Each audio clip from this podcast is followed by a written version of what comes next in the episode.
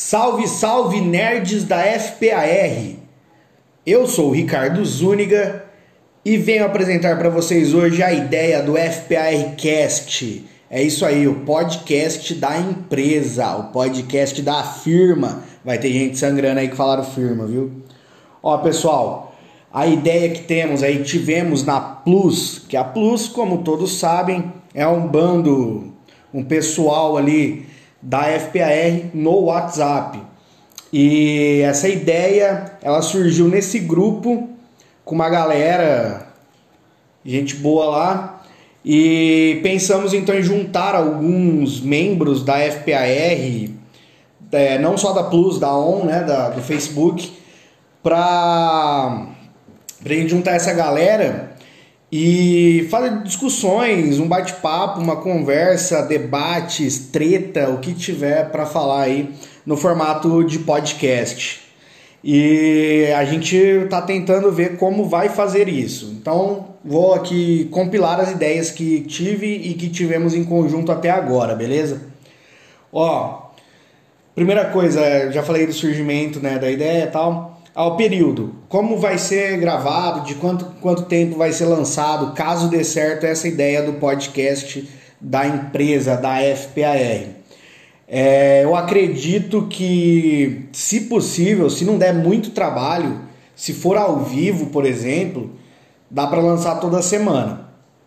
Não sei se dois dias na semana, mas um pelo menos acredito que dê. Se for ter que editar tudo para colocar inserçãozinha, tal, tal, igual tô fazendo, aí não sei se dá um programa grande, dois por semana, um a cada 15 dias, sei lá. Vamos ver como é que faz aí. O pessoal tem que ajudar aí também.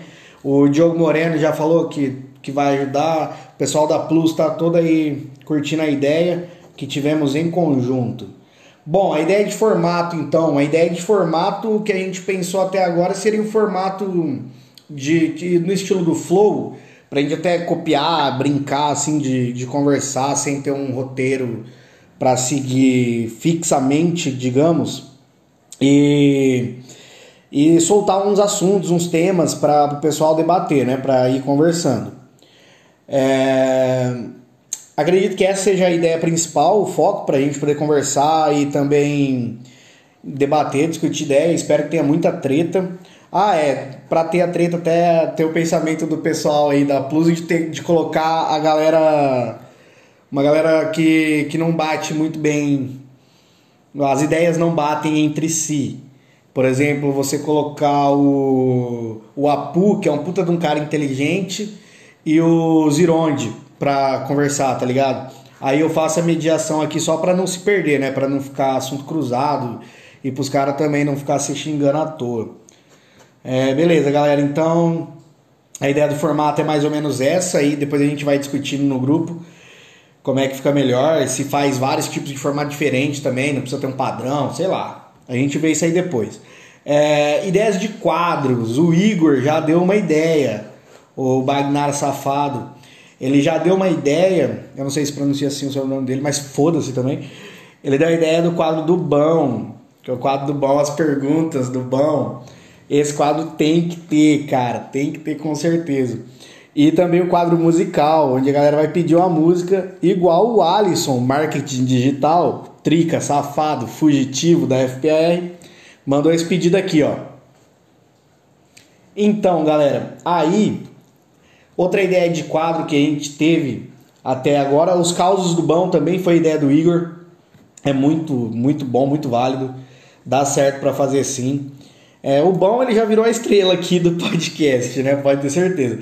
Um outro quadro que eu pensei, cara, é o Telecurso 2000, que é onde a gente vai pegar um áudio da sabedoria infinda dos nossos grandes membros e e soltar, tipo, com uma ideia assim filosófica mesmo, para mostrar que somos capazes de transcender o mundo com esse pensamento maravilhoso. Por exemplo, tem até vinheta, vai. Bom, galera, essa é mais ou menos a ideia que a gente teve até agora e em conjunto algumas ideias que eu fiz aqui em casa sozinho, porque eu gosto muito desse formato, eu já fiz esse formato na faculdade e é muito legal, cara. É legal, não é tão difícil de fazer, é difícil de editar, mas para fazer assim é de boa. Se for ao vivo vai ser bem engraçado, com certeza. E a gente já tem o público, né? Que somos nós mesmos. Tá perfeito, sensacional, vai dar tudo certo. É, vamos ver aí, quem quiser ajudar, quem puder ajudar também, já manda um patrocínio pra gente aí, eu vou deixar o número da conta.